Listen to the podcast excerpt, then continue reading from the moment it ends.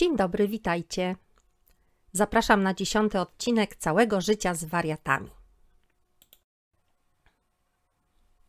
Mamo! Iga wpadła do kuchni i zagadała szeptem. Policja do ciebie.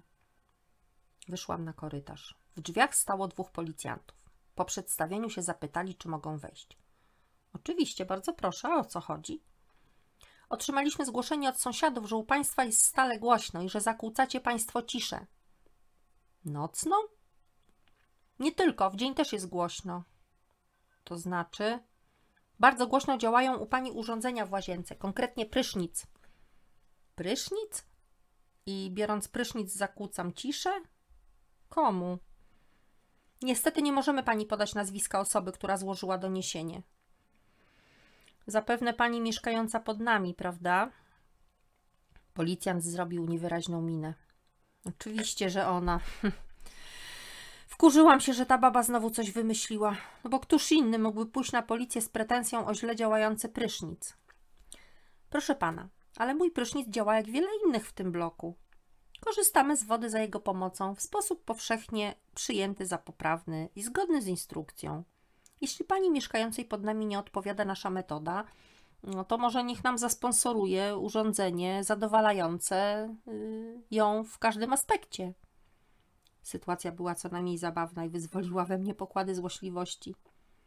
Nie, pani, my musimy zareagować na każde wezwanie, nawet absurdalne. Trzeba pojechać i sprawdzić. Proszę nas zrozumieć. Okej, okay, rozumiem. Pan policjant zaskoczył mnie uprzejmością. Przepraszamy za najście. Proszę tylko podpisać potwierdzenie naszej wizyty. Policjanci wyszli, a ja nie wiedziałam, śmiać się czy płakać. Po tygodniu otworzyłam drzwi po sygnale dzwonka, a tu administrator ze spółdzielni mieszkaniowej. Dzień dobry, otrzymaliśmy zgłoszenie, że pani zakłóca spokój sąsiadom. Jezu, nie, znowu.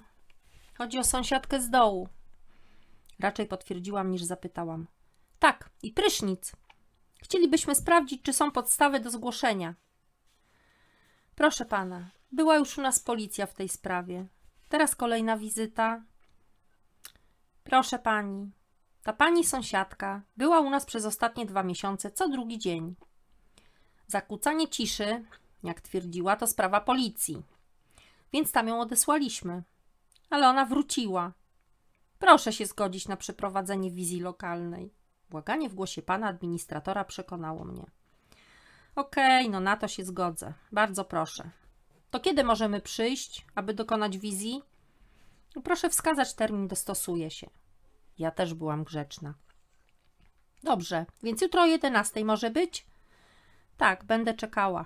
Do widzenia, do widzenia. Na wizji zjawiło się dwóch panów z administracji. Jeden zszedł do sąsiadki i tam nasłuchiwał odgłosów z mojej łazienki. Drugi puszczał z kranów w mojej łazience wodę. Powtórzyli te czynności kilkakrotnie.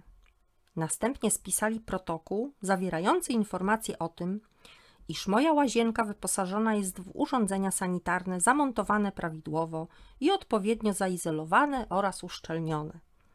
Nieprawidłowości w użytkowaniu instalacji wodno-kanalizacyjnej, umywalki i wanny nie stwierdzono. Prysznica brak. I na tym koniec odcinka dziesiątego całego życia z wariatami. Był co prawda króciutki, ale niebawem kolejny. A teraz życzę Wam pięknego wieczoru i mam nadzieję do usłyszenia.